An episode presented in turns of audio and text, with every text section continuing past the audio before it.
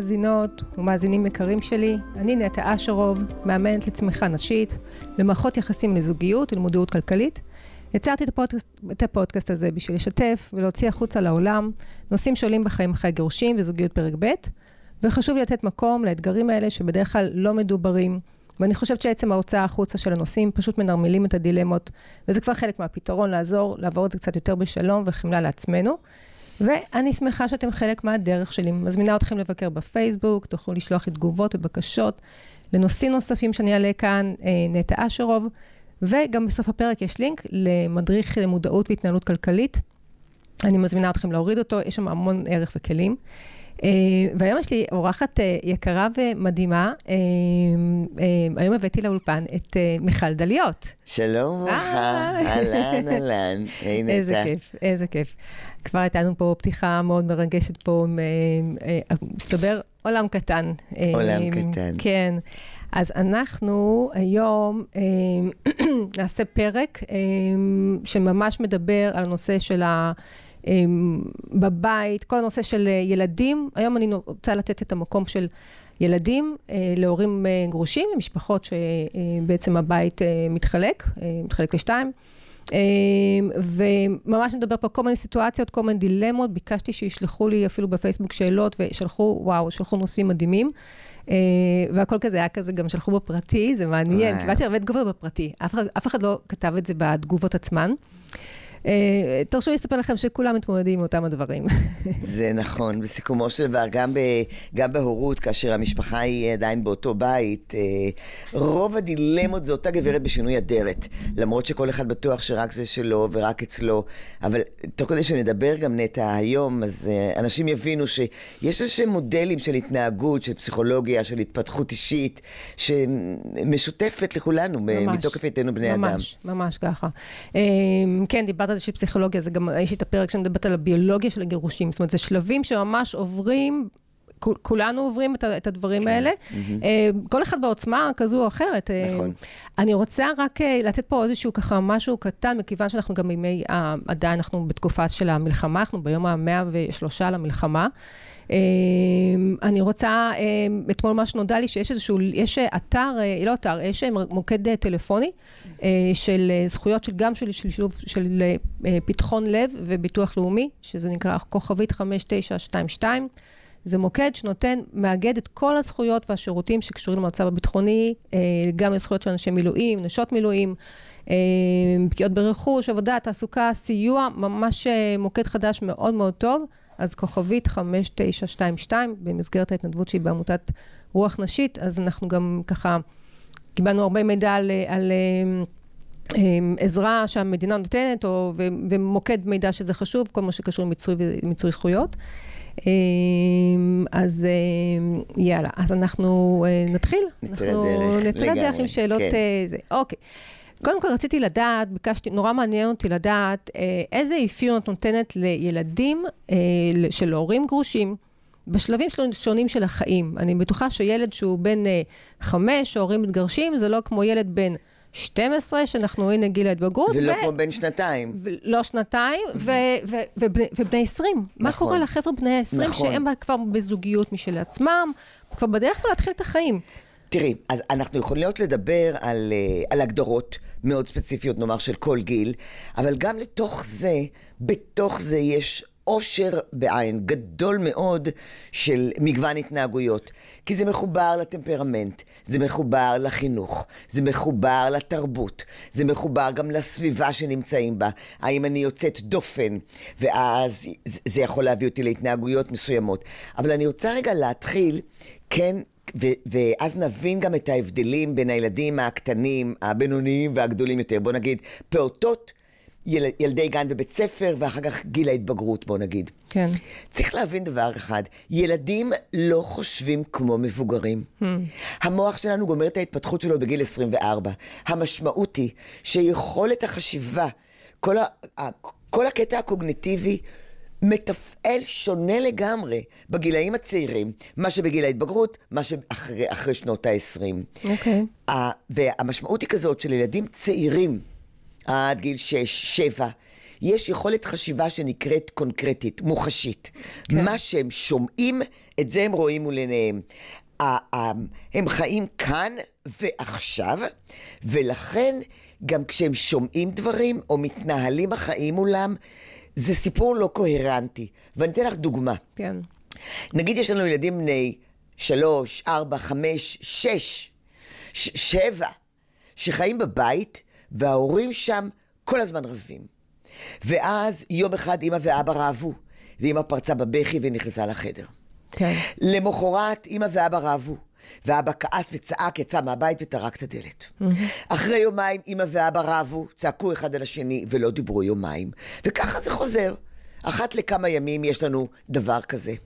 לו אנחנו, הבוגרות, הבוגרים, היינו מסתכלים על המשפחה הזאת, על מה קורה שם בתוך הבית, היינו אומרות לעצמנו, וואו, יש פה סיפור של זוגיות שעולה על סרטון ולא מסתדרת, ואנחנו גם יודעות כבר למה זה עשוי או עלול להוביל. כן. אנחנו מבינים את הדבר הזה.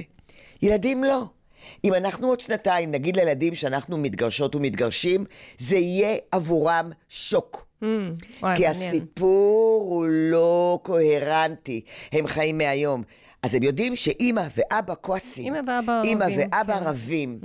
זה הסיפור. או אמא זה- ואבא לא אוהבים אחד את השני, ואז אה, גדלים... אני אפילו לא יודעת אם הם יגידו אמא ואבא לא אוהבים, אלא אם כן הם לא חברים טובים. אלא אימא כן. ואבא רבים. שוב, אין לזה את המשמעות שהם לא חברים טובים. אוקיי. זה רעיון שאני צריך לתת להם. זה כי אני כבר... חושבת בממד שבה מסתכלים מה הם חווים על זוגיות. מה הם חווים זוגיות לא טובה, הם חווים... מה זה אימא מבחינתם זוגיות? אה, זה מה אז שכאילו- זה העניין, את המודל הזה הם ייקחו לאחר כך. בדיוק, כרגע בדיוק. זה רק מופנם והם עוד לא עושים על זה פרשנות. הם רק יודעים שהורים רבים, הרי אנחנו המודל, המודל למגדר, המודל לזוגיות, המודל להורות, כן. המודל לסמכות, אנחנו המודל לארבעת הדברים בדיוק. הכי חשובים שלהם בחיים. אבל שוב, הסיפור לא יהיה סגור ולא יהיה קוהרנטי. בגיל 9, 10, 11, 12, אחרי, כבר יש פה איזושהי העמקה, יכולת להסיק מסקנות ממציאות כן. שחוזרת על עצמה. כן. ואז אנחנו שומעים ילדות או ילדים בני 14, שבאים לאמא או לאבא והם אומרים, תתגרשו כבר. כן. למה אתם ביחד? נכון. זה רע פה. זאת אומרת, פה כבר יש סיפור עמוק. פה אנחנו לוקחים את המציאות ועושים עליה פרשנות. והפרשנות יכולה להיות לכל מיני סוגים של כיוונים. כן. לקטנים אין את זה, אין את זה, אין את זה. מעניין, כן. אז זה כבר להבין. אז יקבלו פה לגמרי שונה את, ה, את הפרידה. כן. זה דבר ראשון. הדבר השני, מכיוון שהיכולת הקוגניטיבית היא כזאת, היא עדיין לא מופשטת, היא לא מבינה אה, עתיד, היא לא יכולה לתכנן לטווח רחוק. אין, ילדים קטנים אומרים להם בשבוע הבא, הוא כל יום שואל האם הגיע השבוע הבא. נכון. או כש... אה, אה, לכן אני גם, גם כשאימא בהיריון, אז לא אומרים בחודש השלישי, עוד, עוד חצי שנה, חצי שנה זה... זה, זה, זה, זה יקום עבור הילד, זה כמו כן. לנסוע לירח ולחזור. כן. אמ, אז אה, כל התפיסה של הזמן היא לגמרי אחרת. אמ, רגע, רציתי להגיד משהו בנושא של ה... אה, לכן גם... גילאי העשרה, אה, אז בגיל העשרה הם כבר כן, מבינים, כן. הם, הם אה, יבואו בטענות. הם, הם יגידו, למה אתם ביחד? בשביל מה לכם? קומו, תיפרדו, תלכו. רע לכם, אל תישארו במקום שרע לכם. מבחינת הילדים זה לא בא בחשבון, זה המצב. ככה זה, כן, זה איך זה, הבית. איך זה בא לידי ביטוי כשבגיל, אה, זה גיל ההתבגרות, זה שיא הבלגן. אה, להבין הם בעצמם איפה נמצאים בתוך המקום החברתי ומי הם, והמקום שבו הם גם מתחילים לגבש את העצמאות, את הזהות שלהם. ולכן יכול להיות שהם ייעדרו הרבה מאוד מהבית כדי לא להיות במריבה הזאת. ועכשיו, זה בדיוק העניין, שאנחנו לא יודעים ליד, לאן הילדים ייקחו את זה. תאומים יכולים לחיות באותו בית, אחד... ייקח את הזוגיות שלו למקום של אני מחזיק אותה בכל מחיר, ולא חשוב מה קורה שם, ואיזה מריבות ואיזה השפלות, לא מפרקים, לא מפרקים, ואני מחזיק אותה בכל מחיר. והשני ייקח את זה למקום של למה לך בכלל להתאהב ולייצר קשר? תראה איזה בלאגן אם זה קורה בכלל עם אנשים. כן. אז בואו נעשה מערכת יחסים ונעזוב, נעשה מערכת, לא ניכנס יותר מדי עמוק. כן, זה אוקיי? את ההשפעה שזה יכול לייצר אנחנו אחר לא כך. יכולים לדעת, וזה אותם שני ילדים באותו גיל, אותו DNA, שעומדים ורואים את אותו מצב. כן. את, ממש ממש, אותו דבר. כן. עכשיו, אה, עוד משהו אצל הילדים הקטנים, וזה גם כן בא בגלל היכולת החשיבה שלהם, הם לא יודעים, הם לא מסוגלים לשמור אמונים לשניים בבת אחת. מבחינתם, ברגע שהתפרקה החבילה, הם בתפיסה שלהם, וזה שוב יכולת קוגניטיבית מצומצמת, בתפיסה שלהם הם חייבים לתפוס צד ואי אפשר לתפוס שני צדדים. וואו. לא יכול להיות פה גם וגם. וזה גם מביא את הסיפורים הזה הרבה פעמים שאומרים, אה, הילדים לא בקשר עם האימא, או הילדים לא בקשר עם האבא, כי הם כאילו בעצם, אבל- הם צריכים לתפוס צד אבל- מבחינתם. אבל מתי, הם, הם, מתי הם מרגישים שהם צריכים לתפוס צד? כשמישהו מההורים מנקר את ההורה השני. Mm. ברגע שאני אגיד לילד, אוף, אבא זה שלך נמאס כבר שהוא מתקשר כל הזמן, או אל תגיד לאבא, אל תגיד לאבא, עזוב. אני, אני מדברת וואו, עליי בגוף כן, ראשון. אלה- או כן. כשאני אומרת, אה, לא, אז אבא לא מרשה, אז מה אם אבא לא מרשה? אצלי הכל. חוץ מזה, האבא הזה, הנה כבר יש לו חברה, מה הוא חושב לעצמו? זאת אומרת, אני נוקטת עמדה, אני שיפוטית, כן. אני מלבינה את פניו, אני עושה ממנו לא יוצלח, או רע, או לא חשוב, או, או אפילו מספיק שאני לא מדברת עליו. אני רק אומרת, אוי, כמה קשה לי הלבד הזה. איך אני לא מסתדרת עם הלבד הזה. אני חייבת עזרה. עכשיו, מי עשה לה את הלבד הזה? הילד יודע לבד. כי עדיין, זה, זה בדרך כלל, אם הבית נשאר, אז אבא, אבא עוזב את הבית. לדעתנו עדיין זה ברוב המקומות. כן. אז בעצם אבא עזב, אבא גרם לאימא להיות עצובה ומסכנה ואומללה. אז הוא מיד יתפוס והנה צד. לך לתפוס צד. כי הם פשוט לא, לא, לא מכירים את הדבר הזה שאת יכולה לשמור אמונים לשניים. את יכולה לאהוב את אמא ולאהוב את אבא. הם גם לא יודעים להיות ניטרלים, הם ילדים קטנים, הם לא יכולים להיות ניטרלים. הם מעורבים רגשית. כן. ודבר נוסף שאני רוצה להגיד סביב הנושא הזה של גירושין. תהליך הריפוי לא יכול לקרות כל זמן שהגירושים לא הגיעו לסופן. כל זמן שאצלי, אצל בן זוגי, זה חתום, זה מוסדר, יש ימים, אני יודעת כבר לבלוע את הרוק, אני מתחילה לחיות את החיים שלי. שזה יכול לקחת, אה, תראי, יש זוגות שזה לוקח להם כמה חודשים, ויש- ויש זוגות שלוקח שנים. ולכן שם, שנים. ולכן שם הכאב והפצע אצל הילדים יהיה הרבה, הרבה יותר גדול. כי בתוך התהליך הזה אי אפשר להתחיל לדבר על ריפוי ועל החלמה, אי אפשר, מבחינת הילדים. יש גם כל מיני מנגנונים שאנשים אה, נאחזים בהם, שבהם אה, אה, נאחזים בקשר. זה יכול להיות בצד אחד שממשיך וגורר נגיד אה, בתי משפט. זה עדיין איזשהו סוג של להיאחז בקשר, אני חושבת. זה להיאחז יכול להיות, בקשר, זה אה, יכול להיות מ- מאיזשהו סוג של נקמה. כי כן. אם, אם ההחלטה היא מאוד חד צדדית, עכשיו גם צריך להבין עוד משהו. בוא נגיד אני בזוגיות, ואני הבעל, הבן, לא טוב לי. לא טוב לי, ואני מתלבט, ואני חושב על זה, וכבר הסקס לא כל כך טוב, ואני לא- מגיע הביתה מאוחר, ואני נפגש יותר עם החברים, ואני יותר ויותר שעות בעבודה, ואני מבין שמשהו התקלקל, ואולי אני מנסה לג- לגשר ולסדר, אבל זה לא עובד לי, וזה שנתיים של עיבוד של כל הדבר הזה, ואני מגיע למסקנה שלא הולך לנו, לא עובד לנו. וזה הזמן להתגרש. ואני באה ואני אומר את זה לבת זוגתי, כמה שאפשר מאוד עדין. ברגע שאני אומר לה את זה, היא בשוק, זה לא משהו שדובר עליו קודם. כן. מבחינתה, היא עכשיו רק מתחילה לעבור תהליך שאני עברתי שנתיים, שנתיים, ואני אני כבר שם. סיימתי אותו. וואו, נכון, תחשבי על הדבר הזה. נכון. אז עכשיו היא מאבדת, אז יכול להיות שאם זה בבום טראח, אז הקנאה היא גדולה, כן. והשנאה היא גדולה, והתחושת נקם היא גדולה. תחושת נקם, כן, והעצב, כן. וההתפרקות היא ענקית, את מבינה?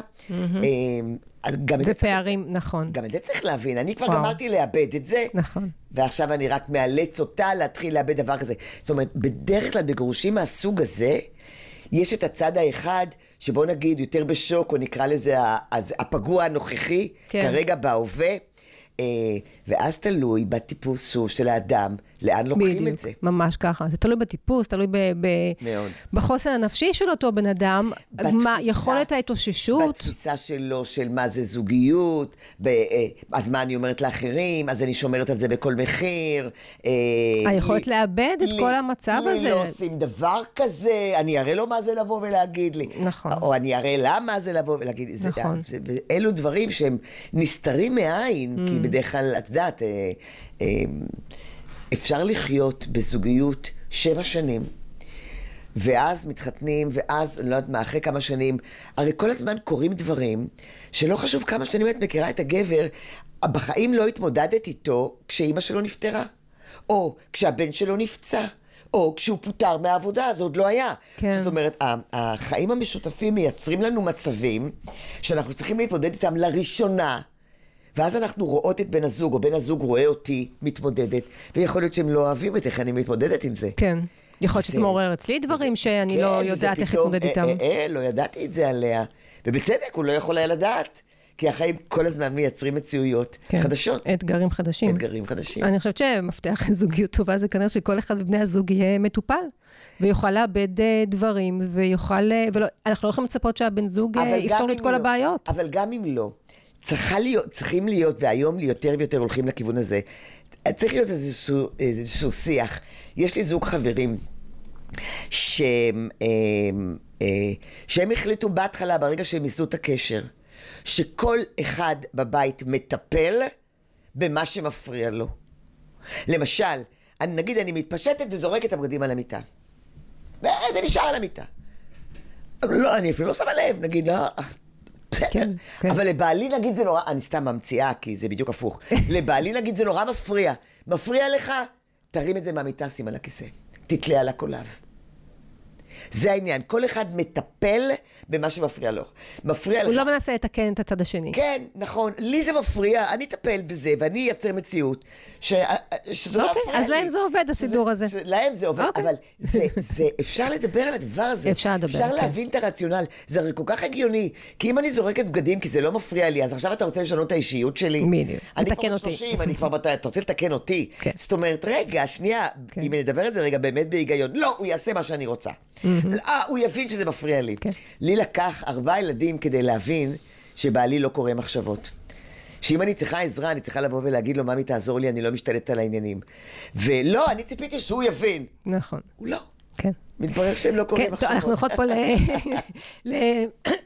סליחה, לזוגיות, זה ברחנו משם מהר מהר, זה לקח אותנו אוקיי, לשם. כן. בואי ננסה רגע, כן, זה- מתחיל, שם זה מתחיל. שמה זה מתחיל. שם זה מתחיל. אז אמרנו ככה קצת לאפיין את הילדים בגילאים השונים, איפה זה פוגש אותם, הנושא הזה של אה, איך זה מתאפיין כל אחד אה, בגילאים. אם זה הילדים הקטנים, אה, גיל...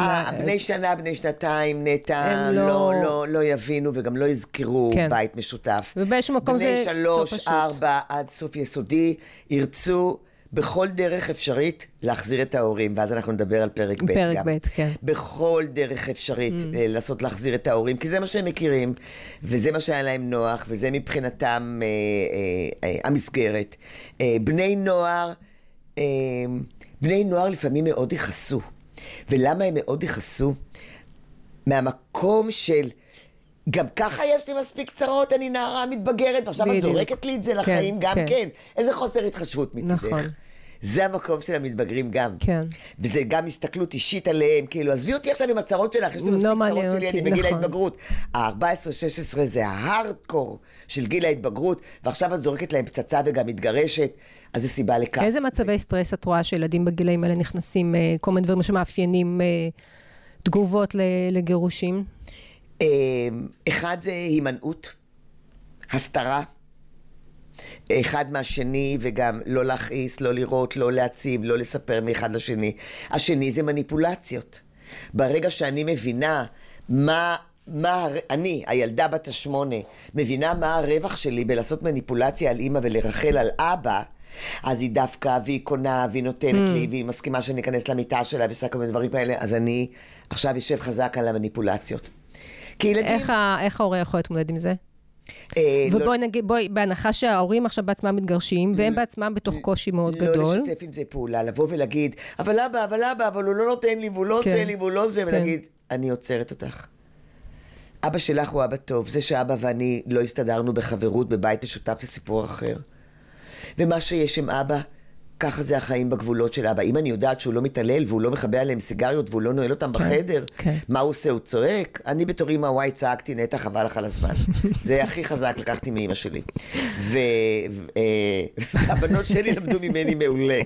הבנים הם נו, אחרים. מה, כולנו נופלים שם, מה. לעשות? אז מה, אנחנו בני אדם, ריבונו של כן. עולם, לא כן, אבל כשמגיע. ילד עם סיפור כזה, את אומרת, וואי, נכון. זה מייצר- אז את צריכה לעצור. אז קודם כל, לא ליפול לבור, Mm-hmm.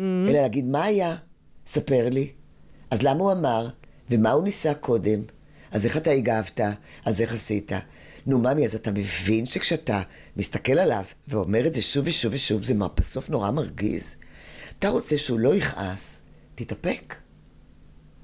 טוב, זה בהנחה שמי שפוגש את הסיטואציה הזו נמצא במקום שבו יכול לנהל את זה עכשיו. אם אני אבא שגרוש והילדים באים מסיפור מהאימא, ואני גם ככה כועס על האימא, כי היא עשתה ככה וככה וככה, או ההפך. אז אני רוצה שתעשה... איך עכשיו אני יכולה לנהל את זה? אז אני רוצה שתעשה הפרדה, זה הכל. לא, בלי ללכת עוד לטיפול וכלום. תעשה הפרדה בין מה שעובר לך לראש לבין הילד. זה כמו שאיזה אה, אימא, אה, אני לא זוכרת על מה זה היה, הייתה אצלי בקליניקה, אה, לא יודעת, שהיא סיפרה על איזשהו משהו שהיא אה, אה, היא ממש לא אוהבת לאפשר לילדה, והיא נורא כועסת, והיא אומרת, ואז הילדה לוחצת, לוחצת, ואז נורא נשבר לי הלב אליה, ואני זוכרת את עצמי, איך אבא שלי אף פעם לא נתן לי וזה. אמרתי, אז תשימי לב, אז את שמה לב מה את עושה. את בעצם משרתת כרגע את שלך, עצמך, כן. ולא את הצורך של הילדה. זה סיפור שלך, כן. זה בכלל לא הילדה, זה לא אותם הורים, זאת לא אותה ילדה, זה, זה, זה לא אותו דור. אבל זה גם מה שאני מצפה מהמבוגרים, עוד לפני הטיפול והעומק, ו- כן. והניהול הכעסים, והשנאה, והאכזבה, וקשת רגשות כל כך עמוקים ו- ותוססים בעקבות, ה- בעקבות הגירושין. אני מצפה שתמיד ידעו לעשות הפרדה בין מה שאני מרגישה כלפי אותה אישה או כלפי אותו גבר שעכשיו עזב אותי, וכבר יש לו חברה, ואני שקועה כן, בתוך הדבר כן. הזה עם הילדים, mm-hmm. לבין לבין הילד, לבין הסיפור של הילד. שזה לשים את טובת הילדים לפני הכל, זה, זה בעצם מה שזה אומר. לנסות לשים את טובת הילדים לפני הכל. את יודעת שההורים אומרים את זה, אבל זה לא מה שהם עושים. כן. כי ברגע שהם מלכלכים או מלכלכות על בן הזוג השני, זה לא טובת הילדים. זה אבא שלו. לעולמים! כן. וכש, ועוד 60 שנה הגבר הזה יהיה על ערש דווי, הילד הזה יישב לידו. כן, זה חזק מאוד. זה משהו שברגעים הקשים בהתחלה, בשנים הראשונות, או זה, זה קשה ממש אה, לזכור את זה, וזו זו עבודה של כל אחד, זה, זה עבודה. זו כן, עבודה. כן. אה, לכן, דרך אגב, אני מאוד אוהבת את, ה, את מה שכבר קיים כמה וכמה שנים, שיש עורכי דין שהם גם מגשרים. כן, תיאום מורי. ואז את, ואז את בעצם מבררת את האינטרסים. אה, טוב, אני לא יודעת, נגיע לזה גם כזוג גרוש, שהתברר שהאימא רשמה את הילדה לבית ספר דתי. והאבא נעמד על הרגליים mm. האחוריות, וואו, וואו, וואו. עכשיו, בגישור אנחנו הולכים, שניהם רוצים את טובת הילדה. כן. זה האינטרס המשותף. ואז התברר, וזה יכול היה להיות רק בעקבות, כי המגשר ידע איך לעשות את זה, שפשוט... האמא רצתה את טובת הילדה, בית הספר שהילדה הלכה אליו עד אותו זמן, מאוד ירד, מאוד הידרדר, היא לא רצתה, הייתה שם חברה לא טובה. והבית הספר הקרוב ביותר היה בית ספר דתי, והיא הלכה והיא ביררה, ולא מחזירים שם בתשובה, ולא עושים שם מי יודע מה. זאת אומרת, הסיפור הוא לגמרי סיפור אחר ממה כן. שהיה לאבא בראש. כן, כן.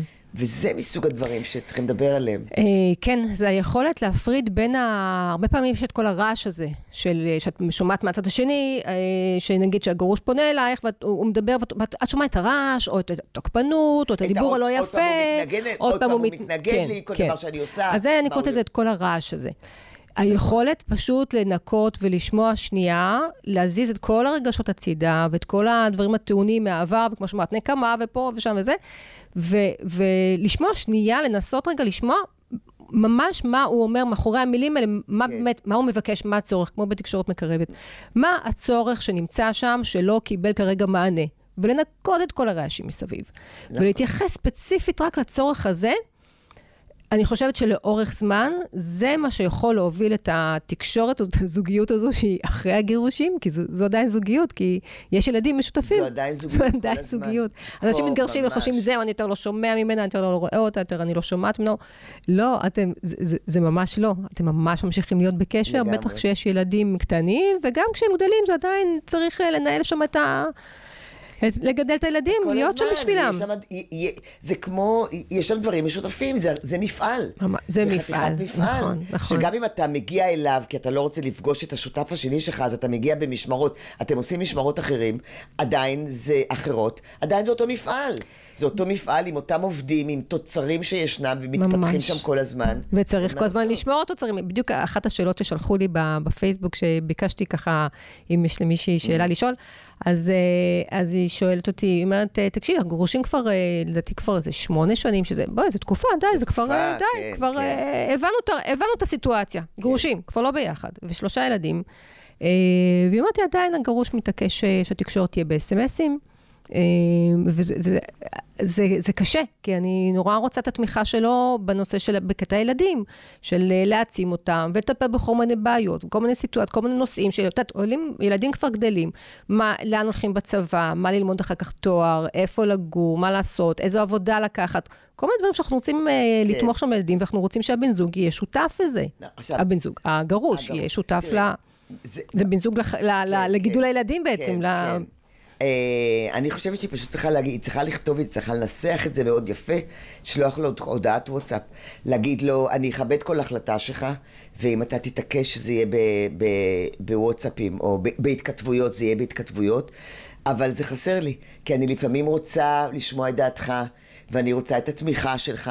יש החלטות משותפות, הילדים גדלים, יש דברים שאני ממש צריכה אותם. אני, אני יודעת, אה, אה, אני, סומכת על, אני סומכת על שיקול הדעת שלך ועל היכולת שלך לתת לי כל מיני סוגים של רעיונות ודברים כאלה. והייתי מעדיפה אה, לייצר לפחות מפגש של פעם בשבוע, פעם בחודש, בזום, בזום. בסדר? אפשר אוקיי, גם בזום. כן. כי באמת, לפעמים אה, נכון. את אומרת, וואלה, את זה אני לא נכון, רוצה, בזום. זהו, די, תראי, לא, גם יכול מיציתי. להיות שהבת זוג שלו כבר לא מסכימה לזה, אתה לא תיפגש איתה, אתה לא זה. אבל כן, יכול להיות בזום. יכול להיות כל מיני דברים כאלה, כן, נכון. את מבינה? אה, אני הייתי אומרת לה, תכתבי, תכתבי את זה. ולהשתמש בדיוק במילים האלה. אני צריכה מדי פעם את התמיכה שלך, יש דברים של התייעצות, אני נורא סומכת על שיקול הדעת שלך, שזה קשור בילדים, ונורא נורא אני אשמח. אני אתאפק במשך החודש ואני אאסוף דברים, ופעם בחודש פגישת זום איתך. כמו שאת אומרת, אה, מפעל, כן, כמו כן. בעסק, מנהלים עסק, וצריך פעם בכמה זמן לעשות... אה, פעם בכמה זמן אין ברירה, הולכים. לרואה חשבון, ואחר כך הולכים לחדש הסכמים, הולכים לעורך דין, צריכים לחתום על אותו דבר. ממש ככה, זה מפעל שצריך לנהל אותו. ממש. אה, מה, מה יעזור לילדים לעבור את כל ה... את השלבים, בעצם ההורים עוברים פה שלבים של, אה, של אה, פרידה ושל אוקיי. אה, להתחיל מחדש, ואפילו לפעמים גם זהות חדשה, ערכים חדשים שמסגלים לעצמם, עבודה חדשה, עבודה עיר חדשה, בן זוג מ- חדש. מקום מגורים חדש, כן. הכל. החיים משתנים לחלוטין. כן. מה, מה יעזור לילדים לעבור את זה? ההורה בטוח בעצמו, והורה לא מרחם. ואני אעשה לך הבחנה, ואני אגיד לך בדיוק למה אני מתכוונת. לא מרחמים על ילדים. אמפתיה, הכלה, לא מרחמים על ילדים, כן, אני אגיד לך למה. כן. אם אני אלך ברחוב ואני אראה הומלס, אני אתן לו שנקל, או אפילו מטבע של חמישה שקלים, או מטבע של שקל, לא חשוב. למה? כי אני מרחמת עליו. מה זאת אומרת? אני יודעת שאם אני ועוד מאה איש שיעברו שם בשמונה, עשר שעות שהוא יושב על המדרכה, כל אחד ייתן לו שקל. אם זה לא יקרה, לא יהיה לו אוכל ולא יהיה לו איפה לישון. זאת אומרת, הוא לא יכול לדאוג לעצמו, הוא לא מסוגל. זאת אומרת, מאחורי רגש של רחמים, יש ידיעה שהאחר לא יכול לטפל בעניין. אין לו יכולות, כן. אין לו כוחות, אין, לו מסוגלות. כן. אסור לחשוב את זה על ילדים. ילדים הם חזקים, הם הישרדותיים, הם מניפולטיביים. ולמה? זה מאלוהים. או תרצי לקרוא לזה מהאבולוציה. מניפולטיביים ונרקסיסטים, אגואיסטים עד סף נרקסיסטים. ככה זה צריך להיות. הם דואגים לעצמם. דואגים לעצמם. ו- ומשם שמה זה בא, וזה בסדר גמור. לכן אני לא ארחם עליו. אני אהיה אמפתית, אני אבין שקשה לו. אני אגמיש. אני פה ושם אוותר. כן. אני אראה אותו, אני רואה מה עובר על הילד. אבל, עכשיו, כן. אני אראה אותו, זה גם אומר, תקשיבי טוב, לתת לגיטימציה לרגשות, אבל לא לגיטימציה להתנהגות. אני אגיד לו, אני יודעת שאתה נורא כועס שאבא ואנים לא גרים ביחד, או אני רואה שזה עצוב והיית רוצה שנגור ביחד. תמיד אני אתן לגיטימציה לרגשות, מה זאת אומרת? הוא עצוב, הוא כועס, הוא מתוסכל, הוא רוצה לבוא לאבא, ואבא אמר לו, אני לא יכול היום. או אבא רצה לבוא, אבל סבתא נורא חולה, והשתנה משהו בביקור, ואז הוא נורא מתוסכל כי הוא רצה לבוא, ואני אגיד לו, ממי, אני רואה שאתה נורא מתוסכל. אבל, אבל תירגע ותפסיק עם ההתנהגות הזאת. כי סבתא מאוד חולה ואבא צריך להיות שם. הבנת מה אני עושה כאן? לא, מסכן, אני יודעת שזה קשה. ואז מתחילים תראה, כל מיני מנגנוני פיצוי, אז- ואז. ואז זה לא רלוונטי בדיוק. כבר, ונהיה סלט. מה גדול. שעשיתי פה גם, זה כבר גם את הדבר השני. זה אומר, א', מה זה אומר לראות את הילד? להגיד לו, אני רואה שאתה כועס עליי. אני מבינה שאתה עצוב, היית רוצה שנגור ביחד. אז זה לא יקרה. אז זה לא יקרה, זה הדבר השני שאני מתכוונת אליו, לסגור את הסיפור. הילד צריך, הילדים צריכים לדעת, ולא חשוב באיזה גיל, שהסיפור סגור. תגידי, מעניין, עולה לי עכשיו באמת לראש, נגיד אה, זוגות שמתגרשים ועושים נגיד אה, ארוחות ביחד, אה, חגים ביחד, דברים כאלה. זה מבלבל, יש... אני חושבת שזה לא נכון. Hmm. אם הפרדנו, הפרדנו. עכשיו, כן אפשר לבוא, אירועים משפחתיים גדולים כן. מאוד, חתונה של כן. כולם, כולם באים. עם הבת זוג החדשה של אבא או בלי הבת זוג החדשה. היא לא מרגישה נוח שלא תבוא, לא נורא. זה בלאו הכי הצד של המשפחה המשותפת, אוקיי? אבל באופן קבוע אה, אה, נפגשים, כולם יוצאים לפיקניק אה, אה, במיוחד. אני לא אוהבת את זה. אולי בהתחלה, כשילדים אני- קטנים זה יותר אה, יכול להיות בעייתי ומבלבל. זה מאוד בעייתי, כי באמת צריכים. להבין. ילדים ישאפו לזה שההורים יחזרו. הם רוצים את הביחד, הם רוצים את השקט. הם ילכלכו, הם ילכלכו על בן ובת הזוג השני להורה השני. הם, הם יגידו את כל הדברים, נדבר על זה בפרק ב', את כל הדברים כן. שייאשו גם את האימא החורגת או את האבא החורג. ייאשו, ממש. הם יעשו את הכל. כן, שמעתי דברים חושבים- כי הם חושבים. שאולי זה יחזיר, משהו, כן. יחזיר את ההורים להיות ביחד. יש ילדים שמתנהגים רע מאוד בבית הספר. כי זה הדבר היחיד שמביא את שני שמחזר, ההורים. בטח, שמביא את שני ההורים. מחבר אותם חזרה. שגורם להורים לטכס עצה. כן, כן. כן, כן. ולכן, כל מה שדיברת קודם, שאלתי אותך, המנגנונים של אה, להשאיר את הביחד, אז ההורים יכולים להמשיך להיאבק בבתי משפט כדי לשמור את זה ביחד, והילדים יפתחו כל מיני, אה, תשמעי, גם במקרים קודם כל, קשים זה כל גם יכול מיני להיות... אה, התנהגויות. התנהגויות גם שהם קשות. לא במודע, שהם לא במודע. הילדים לא יודעים את זה, הם לא עושים הם את זה לא במודע. במודע, ובטח הם גם לא במזיד. אבל ברגע שאני נופלת בפח ונענית לזה, זה יהפוך להיות דפוס התנהגות. ועכשיו, גם אם זה הופך דפוס התנהגות, אני יכולה פתאום לתפוס עצמי ולהבין את הדבר הזה, כן. ואז לייצר זה הכל שינוי. הפיך, כן. כן, כן, זה, אפשר לייצר שינוי. זאת אומרת, נגיד, בוא נגיד ילדים אבל- שמתנהגים- אבל לכן, אם, אם הכוחות נפרדו, אני לא מייצרת באופן מלאכותי כוחות משותפים. לא, כן. לא נפגשת. כן. לאבא יש את החיים שלו, לאמא יש את החיים שלה. לעתים, כשהתא המשפחתי הזה יש לו משהו שהוא משפחתי, אז אבא גם יבוא. כן, אבל לא כל יום שישי ארוחה ביחד, או... זה גם עניין של מינונים. כן. תשמעי, יש כאלה שיגידו שזה עובד להם. אז אם זה עובד להם, היה שם משהו מאוד ברור. מצד אחד, הילדים ידעו שזה סגור וזה סופי. הם ידעו שעושים את זה עבורם. מוכיחים להם שאפשר להישאר חברים, רק זה מצריך בתים נפרדים. תקשיבי, זה כמו הורות משותפת. זה ילד או ילדה שגדלים מראש בשני בתים. כן. כשזה מגיע מגיל צעיר, וזה, זה, ככה זה ברור להם, וזה, וזה ככה. זה, זה ככה זה. כן. זה ככה זה, אני, אני, אנחנו בעיתות מלחמה, את אמרת את זה בהתחלה פה גם עדיין, אה, וזה מזכיר לי, סליחה רגע שאני מעלה, אבל שתבינו איך ילדים תופסים איזה, ב- בעת המלחמה דיברתי הרבה מאוד עם אנשים שעברו כל מיני פר, טראומות ומצבים בחיים, ו, ודיברנו עם אבא של אה, חברה שהוא ניצול שואה. הוא היה שם בתור נער צעיר. והוא אמר, אנחנו הייתי הולכים ברחוב, והיינו הולכים ברחוב, והייתי עובר את הגדר וגונב, וגונב אוכל לאימא שלי וזה, ונכנס בחזרה, ואנשים שכבו גוססים או מתים ברחובות. היא אומרת, ומה היה, איך הרגשת? הוא אומר, לא חושב, לא הרגשתי כלום. ככה זה, ככה זה היה. ככה זה. אנשים זו שוכבים הייתה מתים- המציאות. אנשים שוכבים מתים ברחובות. וצריכים להבין, המציאות של ילד נתפס כמציאות, ככה זה. להבדיל, כן. כשזה מגיל צעיר, זו המציאות שהם ככה, זה מה ש... כאילו, זה, זה מגיל צעיר, זה מה שמבינים, אז זה מה, שהם, זה זה מה שמכירים. אחר כך, לאט לאט, נחשפים גם לדברים אחרים. כן. אז עושים את הפרשנויות. אבל, אבל לכן, גם פה בפרידה, אה, אני רוצה רגע לחזור לנושא הזה של סיפור סגור. סיפור סגור זה אומר, אבא ואני החלטנו. למרות שזה מעציב, למרות שזה קשה, למרות שאנחנו מפרקים את החבילה, אנחנו לא מסתדרים, אנחנו כל הזמן רבים. לא טוב לנו, לא נעים לנו. ואז הילד יגיד, כן, אבל אני רוצה, אבל לי נעים. ואז אני אגיד לו, אני מבינה מתוק שלי. אז אנחנו נשמור על שני בתים, ונשמור על מערכת יחסים טובה כמה שאפשר, אבל בבתים נפרדים. אבא ואני לא רוצים לחיות ביחד, לא נעים לנו. כן, באמת... ואני לא אה, רוצה לגדל ילדים בבית שלאנשים האחרים לא נעים. ואז הוא יגיד, יכול להיות, אז את אגואיסטית, את חושבת על עצמך ולא עליי. אז אני אגיד לו, סליחה, סליחה, תירגע, אני מאוד חושבת על עצמי, ואני גם חושבת עליך, כי אני יודעת, כי אני המבוגרת, אני יודעת מה קורה לילדים שהם גדלים בבית, בבית. שהמבוגרים שם רבים כל הזמן, וצועקים וזורקים דברים, ומקללים ומתעצבנים, כן. ויש כזה מתח. אז אני כן חושבת עליך בגלל שאני מפרקת את החבילה, שתחיה בשני בתים שטוב בהם. נכון. תגידי לי, אה, אה, בוא רגע נדבר טיפה על מה שקורה בין, ה, בין הילדים, בין, בין האחים. בין האחים. איזה דברים את רואה? זאת אומרת, יש בתים שבהם אני רואה שיש אה, אח או אחות שלוקחים אחריות על, על הילדים. פתאום יותר הופכים להיות כמו איזה הורה, אה, כן, אה, כן. או ילדים שבהם, בתים שבהם יש דווקא יש עם נתק, או, או כל אחד מסתגר בתוך הקושי שלו. תראי, זה, זה מאוד תלוי במה היה קודם ובטמפרמנט של הילדים. אה, טמפר... ילדים נולדים עם אה, שלושה דברים שהם שלהם. אחד זה הצורך בשעות שינה. יש תינוקות שישן הרבה, יש תינוקות שישנים מעט.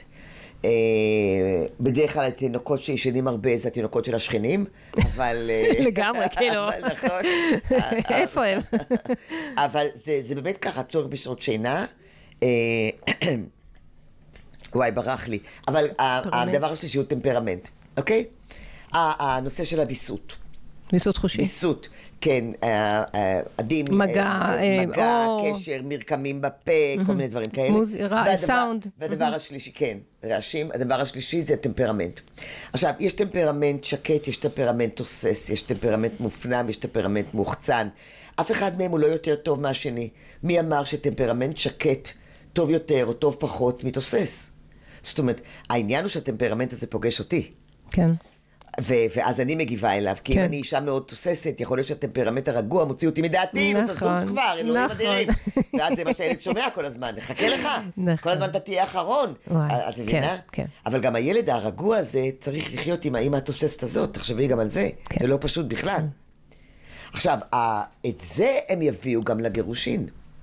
ואז אם הוא מופנם ואם הוא לא מדבר מראש, אה, אז, אז הוא גם לא ידבר על זה. ואם הילד הוא ילד של acting out, אז את הכעס שלו הוא יוכל להוציא ב-acting out, בלצעוק יותר, בלבכות יותר, בלבעוט בכלב או בלבעוט בשולחן, או בלהגיד לי את רעה כל הזמן, מה את עושה אני לי? שונאת את מבינה? אותך. אני, אני שונא אותך, אומרים גם ילדים שלא גרושים, זה בסדר אה, גמור. יופי, אוקיי. ברור, ברור. כן. את עם הרעה, גם זה. עם הרעה, בטח. ברור, ברור. בסדר, מזל, כבר עברתי, די, כבר היינו, כן, עברנו כן, הכל טוב. כן, כן, זה טוב. מוכר, זה בסדר, זה קורה בכל כן, הבתים. לא, להתרגש מהדברים האלה. לא, אנחנו לא. לא שנאנו את אמא שלנו ואבא שלנו לפעמים. רק לנו לא היה אומץ להגיד את זה, זה כן. הכל. היום זה דור אחר, אז הם אומרים, אז הוא אמר, אז מה? כן. בסדר. לא שיקרנו את ההורים שלנו, נו, באמת. בסדר. אני, לא, אני דווקא הייתי ילדה ממש טובה. אני לא. אני עוד לא הגעתי לגיל ההתבגרות, אני- אני עוד לא מרדתי. אני מגיל אה, תשע או עשר הלכתי לנוער העובד והלומד, כי זה היה הקן שהיה קרוב לבית, זה היה, כן, השבט שלנו היה שם, ואני בערך מגיל אה, אה, 13 או 14, אני לא זוכרת, הייתי יוצאת מהבית עם החולצה כחולה והשרוך האדום, כן. ובארון חשמל הייתה לי חולצת בטן, הייתי מחליפה, ולשבת לא הגעתי. וואו. ברור, נו מה. בגלל זה את יודעת כל כך טוב היום אה, לעזור להורים שאת כבר היית שם. כן, בתור הילד, הילדה הזו. אז, אה, אז זה באמת מאוד מאוד שונה. אה, אז זה קודם כל תלוי באמת באופי של הילדים עצמם. ותל... ובדיוק, וזה תלוי, זה תלוי, זה תלוי בגילאים, זה לא העניין של האופי, זה, הטמפרמנט. זה סגנון האישיות יותר, אני אוהבת לקרוא לזה, זה סגנון האישיות. Mm. ו... והתנהגויות אופטייניות באמת, זה, אז, אז זה, זה כל כך רבגוני. זאת אומרת, יש ילדים שיתחילו, יהיו, למשל, שאלה אותי מישהי באמת אה, על אה, אה, משפחה שההורים מתגרשים, ויש שם שתי בנות, ואחת היא על הרצף. כן. והיא על הרצף על תפקוד גבוה, והיא באמת, היא כאילו, היא מאוד דואגת לילדות, איך, הם, איך הן התמודדו עם זה. אה, היא לא יכולה לדעת ואין מה לדאוג מראש. מה שאין מה לדאוג לראש. אנחנו היצור ה- היחיד בעולם הזה שדואג מהעתיד שעוד לא, שעוד לא הגיע בכלל. כן. אוקיי? אין מה לדאוג מראש. אה, מה שצריכה זה לייצר מציאות שהיא מותאמת לילדות. אה, אי אפשר לדעת איך הילדות יגיבו. עכשיו, אם היא יודעת שיש לה ילדה שמתפרצת ומתפוצצת, והיא כבר יודעת גם באיזה מצבים, אז היא תצטרך לדאוג שהמצבים האלה יהיו כמה שיותר פחותים. Mm-hmm. למשל, אם היא יודעת שיש לה ילדה שמסתגרת כשקשה לה, אז היא תצטרך לדעת איך היא מרככת, איך היא, איך היא מטווחת דברים, אולי בחלקים. זה העניין, היא מכירה את הילדות שלה. היא תצטרך להנגיש את החיים החדשים האלה באופן כזה שיתאים שונה לכל אחת מהן. אני חושבת שגם מאוד מאוד חשוב, דבר ראשון שאמרתי לה, כאילו, היא אמרה לי, וואי, מסכנים ילדים, אז אמרתי לה, אפ, אפ, אפ, אפ, לא מסכנים, לא מסכנים שום דבר. בכלל, נכון. הכל, אני חושבת שזה ממש לא... זה בדיוק, המסכנים, תלוי, זה לרחם. כן. זה מאוד לה- תלוי זה- באיך מעבירים את המידע זה לילדים. בהמשך להגיד, וואו, הולכת להיות להם תקופה לא פשוטה, אני מקווה שהם יקבלו את זה טוב. יש, יכול להיות שיהיה כאן המון רגשות של תסכול וכעס וחוסר הבנה, ואני צריך להיות שם, להיות להם לעזר. זה מה שצריך, לא, אוי, מסכנים נכון, הילדים. זה ההבדל. נכון, ממש. זה ההבדל. זה משדר לילדים, זה עולם אחר לגמרי, גם להתמודדות שלהם עם המצב, לגמרי. עכשיו, וזה ה-state of mind שלי, שיגרום? לי להתנהג, יג- יגרום לי להגיב אל הילדים. ואם אני רוצה להגיב נכון, אני לא יכולה להיות במקום המרחם והממוסכן הזה. תראי, ב, ב, אני, אה, נורא מעניין, אני באמת, אני עכשיו, אני לומדת, סיפרתי לך, אני בלימודי תואר שני אה, באוניברסיטה ללימודי מגדר. וקוראת מאמרים כל היום, ו- ולחץ, כל הדבר הזה. אבל מה שנורא מעניין, פתאום, שוב עברתי אה, לחומר של מאסלו, של אברהם מאסלו, על סולם הצרכים שכולנו מכירים, אה, כל הזמן אנחנו זורקים את ה... כן, סולם הצרכים של מאסלו.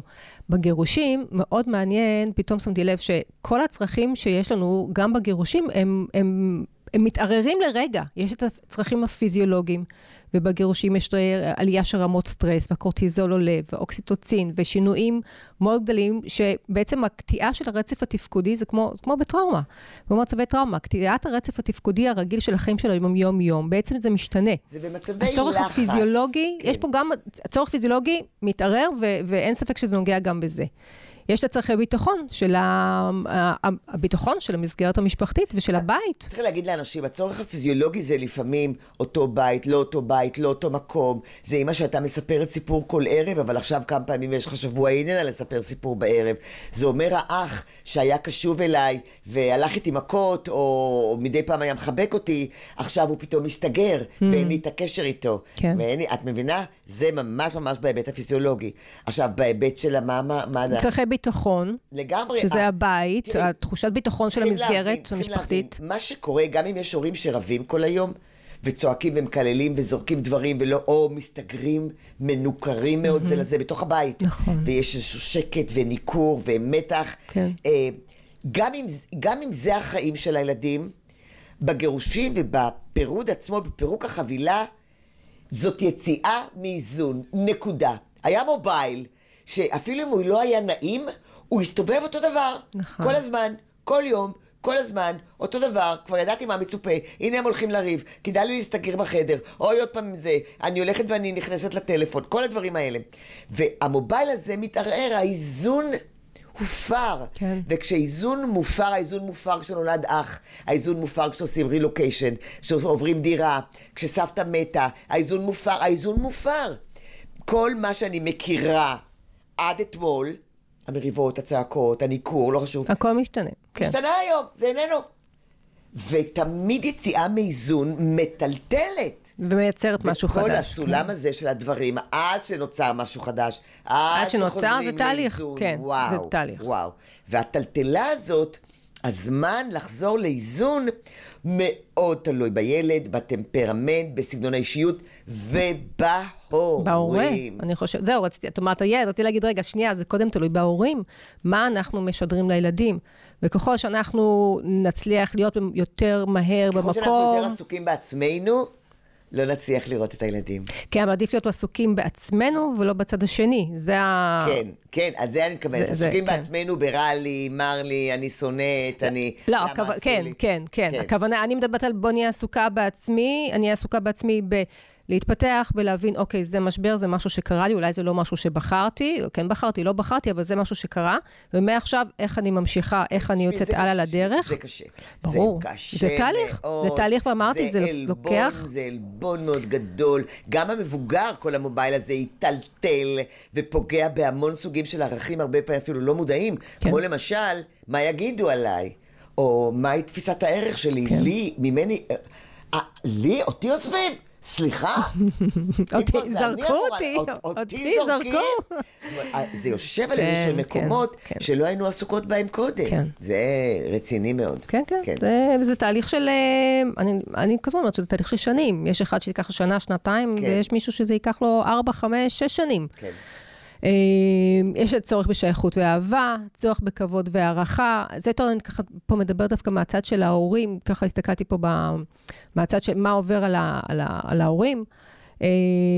תראי, כבוד והערכה וצורך במימוש, במימוש עצמי, בתוך התא המשפחתי, שוב, כל זה בתוך, בהקשר של התא המשפחתי. איפה אני, אה, כמו שאמרנו, מימוש עצמי, אה, ש, אה, אה, כל נושא של אה, תחושה של בושה ושל כישלון, ועכשיו אני צריכה בעצם לבנות את עצמי מחדש, ואיזה ערכים חדשים אולי אני אפילו מסגלת לעצמי, כי בשינוי גדול בחיים אנחנו גם מס- מסגלים לעצמנו אחר כך כן. גם ערכים חדשים. תראי, אני פתאום חושבת על זה, תוך כדי שאת מדברת על כל הדברים האלה שהם אה, אה, מושגים.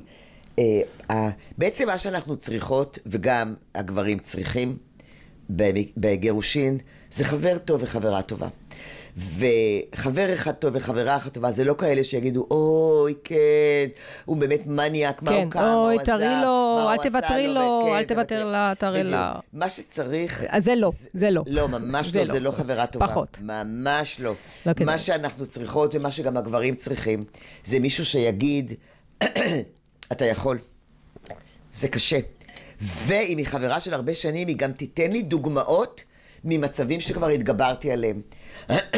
כן. פציעה של הילד, מחלה קודמת, אה, לימודים שלא הצליחו, חבר שעזב אותי בגיל, כל בגיל הסיפורי הצלחה צעיר. שהיו שם בעבר, והצלחנו חייבים להתמודד. לתת לנו הוכחות שיש לנו כוחות להתמודד. ואת הכוחות האלה אנחנו צריכות למצוא היום אה, ולגייס אותם. אה, כי מפה ממשיכים הלאה. והכוחות האלה הם, הם, אה, את יודעת, יש שלושה אלפים שאני מאוד אוהבת אותם. אה, אומץ, אופטימיות ואמונה בעצמי. עכשיו, לא חשוב ממה מהם אני מתחילה, לא חשוב מה אני מלמדת את הילד. נגיד אני מלמדת את הילד שלי להיות אמיץ. כן, אתה יכול, תעלה, תעלה, תקפוץ. כן. תנסה, אל תפחד, אל תפחד. הנה בוא, בוא נעשה עוד פעם, אני אתן לך יד. אני מלמד אותו להיות אמיץ. מתוך זה באה אמונה בעצמו, ומתוך זה שהוא יכול, ומתוך זה גם תהיה אופטימיות שכנראה יצליח. וגם אם הוא לא יצליח, הוא אומר, יאללה, נפלתי, נו, ננסה עוד פעם. כי הוא, יש לו אמונה בעצמו, והוא גם כן, אמיץ. כן. מבינה? עכשיו, אותו דבר אם אני אתחיל באופטימיות. אם אני אלמד ילד להיות אופטימית, לראות את האדם מלא, לדעת שהדברים מסתדרים. אז זו העבודה שלנו על עצמנו. אני אומרת, מעבר לחברה, קחו, זו הזדמנות לקחת אה, טיפול, ייעוץ, אה, קואוצ'ינג, פסיכולוגי, מ- מה, ש, מה שעובד לכם, אה, כי צריך פה כלים, זה מעבר לחברה שתשב ותגיד, יהיה בסדר. ואני, אם כבר הולכים למטפל או מטפלת, למצוא מישהי אה, שנותנת שיעורי בית. לא רק שעושה, אה, או, אמ, כן, נכון, זה קשה, נכון, הוא נכון. היה, לא, זה היה באמת לא הוגן מה שהוא עשה לך, לא טוב. כן. לא טוב. צריך כל הזמן מבפנים, ומה זה אומר לך, והאם זה משרת אותך, ולאן זה לוקח אותך, ומה זה עושה לך, על מה את חושבת באותו רגע. אז מה פתוח בפנייך? איך את יכולה להגיב אחרת? כי אחד הדברים שאנשים אומרים כל הזמן זה לא הייתה לי ברירה, אין לי ברירה. כן. תמיד, תמיד יש יש ברירה. ברירה. תמיד. ויותר מאחת. עובדה שאחרים תמיד. מתנהגים אחרת באותם מצבים. העניין הוא שלברירה, בוא נגיד, או לבחירה האחרת, יש מחיר. אנחנו כן, מהשפה הזו, כן, זו השפה, בדיוק, כן, כי. זו שפה, זה ואת המחיר להבין, הרבה להיות ב... פעמים אנחנו לא רוצות לשלם. נכון. אבל, אז, אז לכן בואו לא נגיד אין לי ברירה.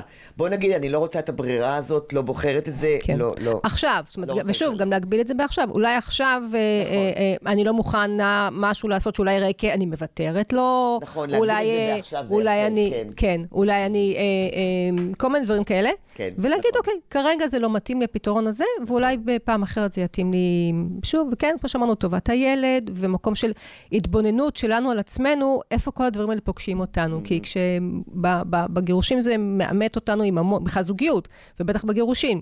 מאמת אותנו עם המון המון דברים, והמון גם אה, כפתורי, אה, כפתורים אה, הפעלה, שמפעיל אצלנו כל מיני מנגנונים. כן. לדעת להסתכל, לראות את זה, להבין את זה, שזה, שזה בעצם נמצא שם, ואם אני רוצה שלילדים יהיה יותר... אני כזה, ככה אוספת את זה, וזה כאלה משפטים של בעצם, זה כזה חוכמת הבדיעבד בעצם, אבל, אבל זה זה. אה, אם זה פרק שאנחנו פה מדברים על איך אפשר לילדים יותר לעזור את זה בשלום, זה, לעבור את זה בשלום, זה קודם כל לעבור את זה אנחנו בשלום. כן, כן. ושוב, ולסגור את הסיפור הזה בתוכנו. ואז אנחנו גם נוכל למכור סיפור סגור לילדים.